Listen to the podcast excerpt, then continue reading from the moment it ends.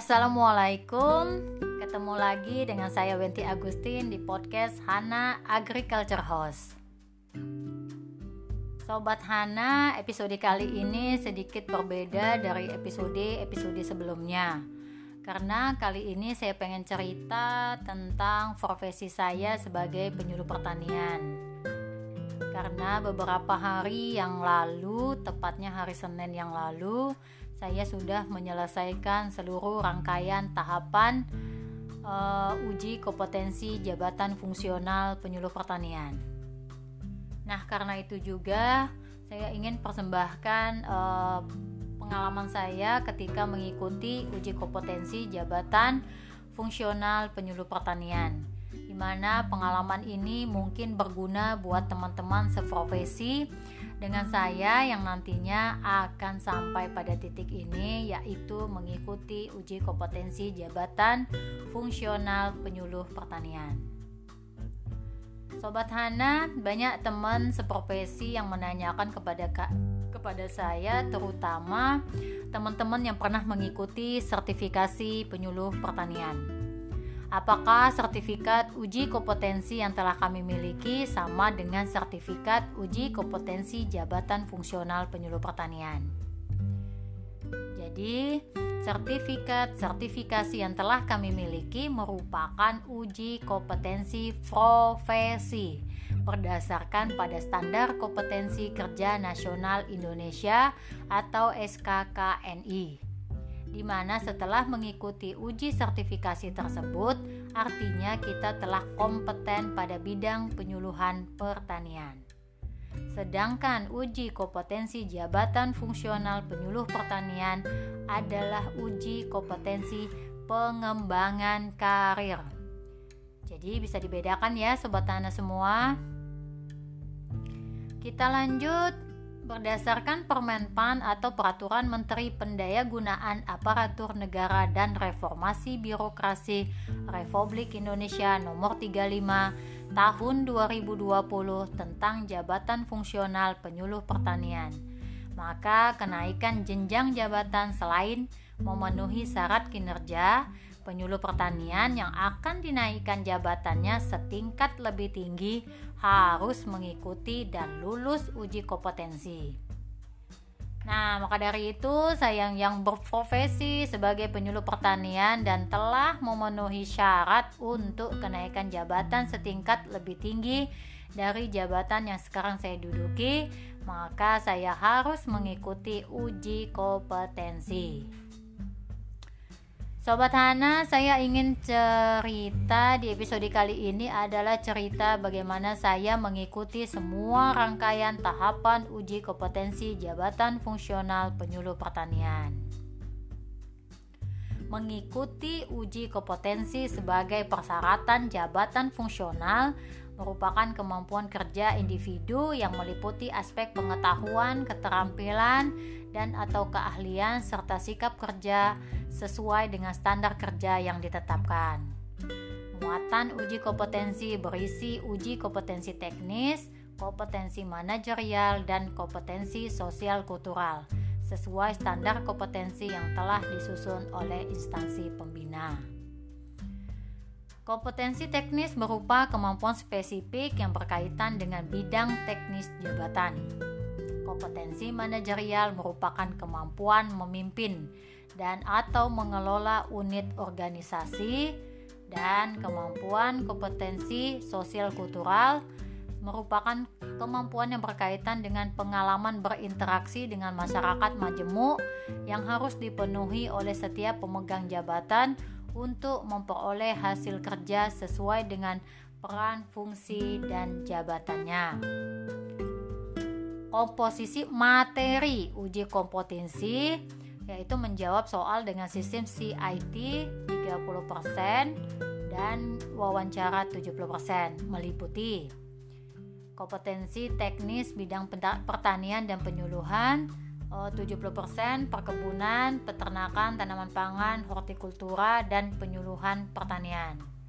Kemudian eh, kompetensi manajerial 15% itu integritas, kerjasama, komunikasi, orientasi hasil, pelayanan publik, pengembangan diri dan orang lain, mengelola perubahan dan pengambilan keputusan. Kemudian kompetensi sosial kultural 15% yaitu berisi muatannya adalah perkat bangsa.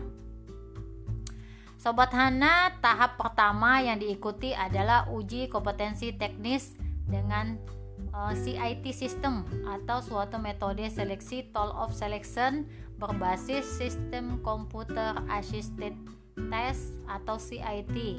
Nah, tujuannya untuk memperoleh pegawai yang kompeten sesuai jenis jabatannya objektif dan kompetensi, kualifikasi dan persyaratan yang dibutuhkan oleh jabatan dengan kompetensi, kualifikasi dan persyaratan yang dimiliki pegawai. Nah, jumlah soalnya yaitu 100 butir dalam waktu 120 menit. Nah, di sini yang harus kita uh, siapkan atau yang harus kita ingat adalah kestabilan koneksi internet kita karena pelaksanaan uji dengan sistem uh, kompo CIT ini adalah melalui sebuah link yaitu e-ujian dan kita juga harus mempersiapkan uh, provider cadangan selain uh, provider yang ada uh, di handphone atau di ponsel kita jika kita menggunakan hotspot.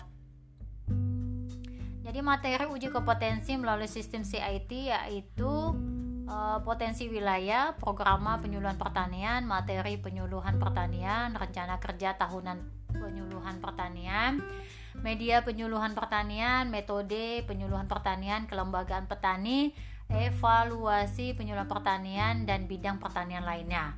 Nah, bidang pertanian lainnya ini bisa berisi adalah uh, kumpulan permentan, undang-undang, Eh, dan uh, program utama Kependan yang sedang dilaksanakan.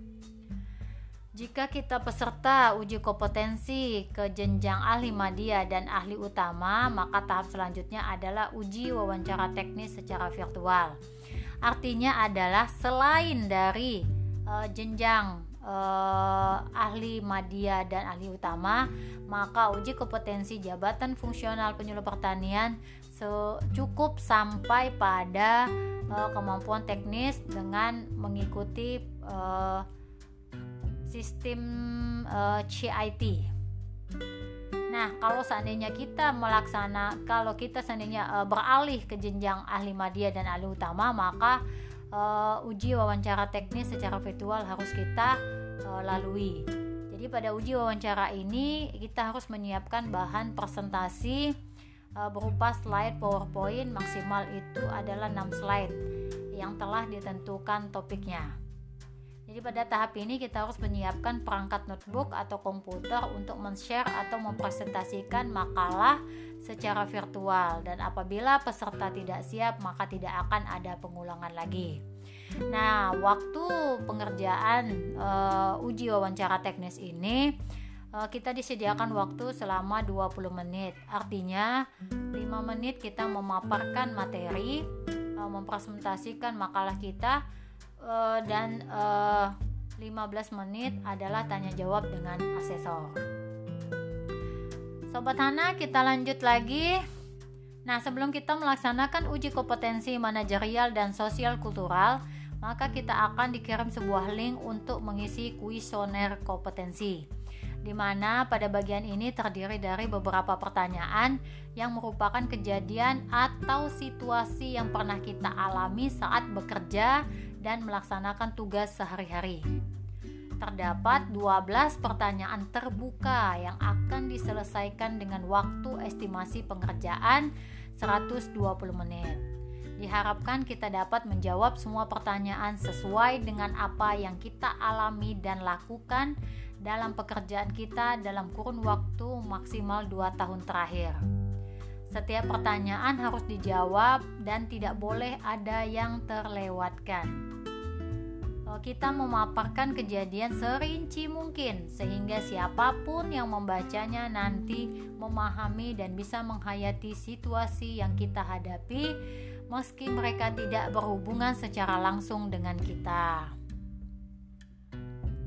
Sobat Hana, tahap selanjutnya adalah uji kompetensi manajerial dan sosial kultural.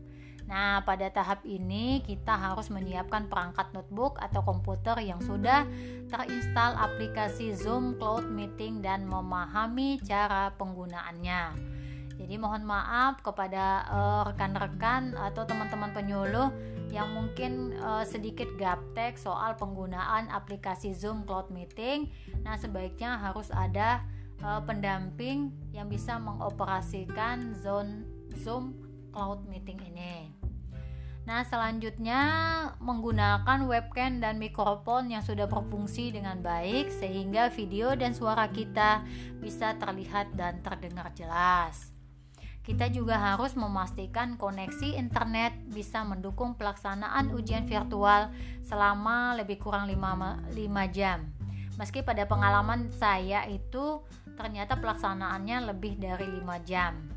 Nah, yang pastinya kita sebagai peserta harus dalam keadaan kondisi sehat dan bugar, sehingga kita dapat melaksanakan seluruh rangkaian uh, uji kompetensi ini. Sobat Hana, uh, dalam pelaksanaan uji kompetensi manajerial dan sosial kultural ini, kita akan dihadapkan pada tiga uh, psikotes dan dua simulasi kasus. Jadi pada psikotes yang pertama itu berupa psikotes Wonderlic Personal Test. Psikotes pertama ini adalah tes kecerdasan umum, mengukur kemampuan verbal, numerik, dan spasial. Instrumen tes psikotes yang ter yang pertama itu terdiri dari 50 pertanyaan yang secara bertahap menjadi semakin sulit dan harus diselesaikan dalam waktu 12 menit. Pertanyaan psikotes pertama mencakup perbandingan kata, kalimat yang dikacaukan urutannya, paralelisasi kalimat mengikuti petunjuk, perbandingan angka, deret angka, analisis gambar geometri, dan soal-soal cerita yang membutuhkan logika atau matematika untuk menyelesaikannya. Jadi e, di sini kita jangan terpaku pada satu soal yang yang kita rasa sulit.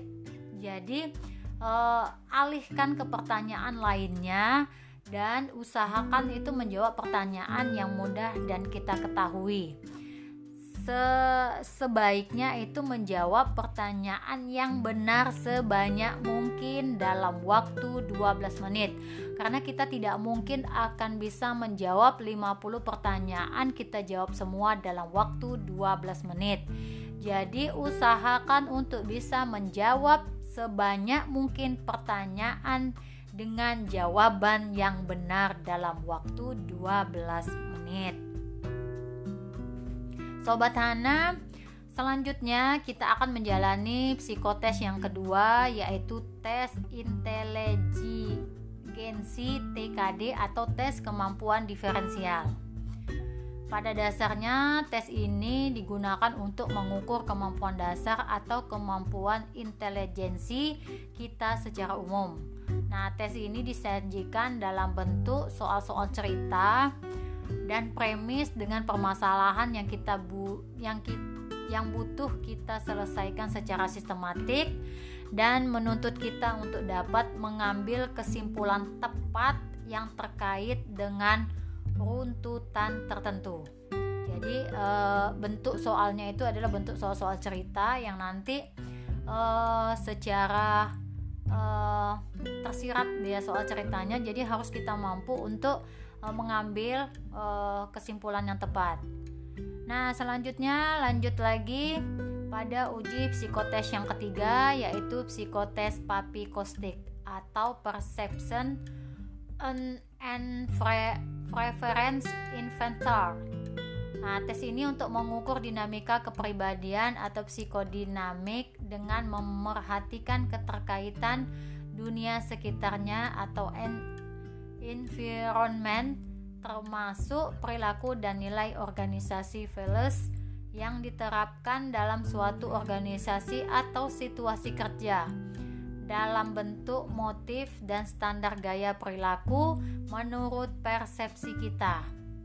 Jadi papis kostik atau tes psikotes yang ketiga ini merupakan laporan inventory kepribadian atau self report inventory yaitu terdiri dari 90 pasangan pertanyaan. Ingat 90 pasangan pertanyaan pendek berhubungan dalam situasi kerja yang menyangkut 20 aspek kepribadian uh, yang dikelompokkan dalam tujuh bidang yaitu kepemimpinan atau leadership, arah kerja, what direction, aktivitas kerja, activity, relasi sosial, social nature, gaya bekerja, work style, sifat temperamen, temperamen dan posisi atasan bawahan atau followership. Sobat Hana, tahap selanjutnya adalah simulasi yang pertama, yaitu berisi pemetaan kompetensi, di mana kita diminta untuk memilih salah satu jawaban dari setiap pertanyaan yang diberikan, yang paling menggambarkan diri kita dalam melaksanakan tugas pekerjaan. Dan kita diminta untuk memberikan contoh kejadian yang menjadi dasar kita memberikan penilaian. Jadi simulasi yang pertama ini berisi pemetaan kompetensi. Dan tahap akhir adalah simulasi yang kedua. Nah, pada bagian ini akan ada dua tugas, yaitu bagian pertama dan bagian kedua. Nah, bagian pertama adalah tugas analisis kasus. Jadi, kita akan diberikan bacaan mengenai tema tertentu, kemudian akan ada pertanyaan mengenai bacaan tersebut alokasi waktu untuk pertanyaan yang diberikan pada bagian satu itu selama 60 menit. Nah, setelah kita selesai bagian ke satu, kita dipersilahkan untuk masuk pada bagian kedua, yaitu bagian presentasi. Nah, bagian presentasi ini terdapat dua bagian juga. Bagian satunya adalah simulasi presentasi bagian pada bagian ini kita akan diminta untuk mempresentasikan hasil jawaban kita terhadap uh, analisis kasus yang sudah kita kerjakan secara virtual. Jadi presentasi secara virtual itu dilakukan dengan cara membuat video pre presentasi. Jadi ada dua tugas kita di dalam uh, presentasi itu. Yang pertama adalah menjawab pertanyaan, kemudian e, menyampaikan presentasi itu dalam bentuk video. Jadi durasi video itu maksimal adalah 10 menit. Jadi dalam presentasi kita bebas menggunakan media apa saja untuk mendukung presentasi kita. Rekaman bisa dilakukan dengan media yang paling memudahkan kita, baik melalui komputer maupun melalui ponsel dan asesor tidak menilai sisi artistik dari video yang kita buat. Yang paling penting adalah kejelasan kita dalam menyampaikan ide dan gagasan kita, sehingga kita harus memastikan suara dalam video terdengar jelas. Kita memiliki waktu 60 menit untuk mempersiapkan materi presentasi. Nah, selama waktu tersebut kita masih dibebaskan untuk melihat kembali jawaban yang telah diberikan. Nah, pada poin ini jangan jangan dahulu kita mensubmit uh, jawaban kita karena jika jawaban kita telah disubmit uh, maka tidak akan uh, tidak akan dapat ditampilkan kembali jawaban kita itu. Jadi setelah kita membuat materi presentasi, barulah kita pastikan kita menombol tombol submit sehingga semua jawaban analisis kasus terkirim ke database panitia. Jika alokasi waktu pengerjaannya habis, namun kita belum menekan tombol submit, maka jawaban kita akan terkirim secara otomatis ke database panitia. Jadi tidak perlu khawatir eh, teman-teman eh, jika eh, alokasi waktu eh, pengerjaannya habis. Tata cara pengiriman video dapat dilakukan dengan mengupload video dalam link YouTube pribadi kita atau langsung mengunggah file dalam link form Google yang akan disediakan oleh panitia. Dengan berakhirnya pengiriman video, maka selesai sudah seluruh rangkaian tahapan uji kompetensi jabatan fungsional penyuluh pertanian. Sobat Hana, dari panjangnya proses yang harus dilalui, maka kesehatan kita adalah hal utama yang harus kita jaga. Semoga episode ini bisa memberikan gambaran tentang uji kompetensi jabatan fungsional penyuluh pertanian buat Sobat Hana yang akan menjalaninya. Semoga bermanfaat. Wassalamualaikum warahmatullahi wabarakatuh.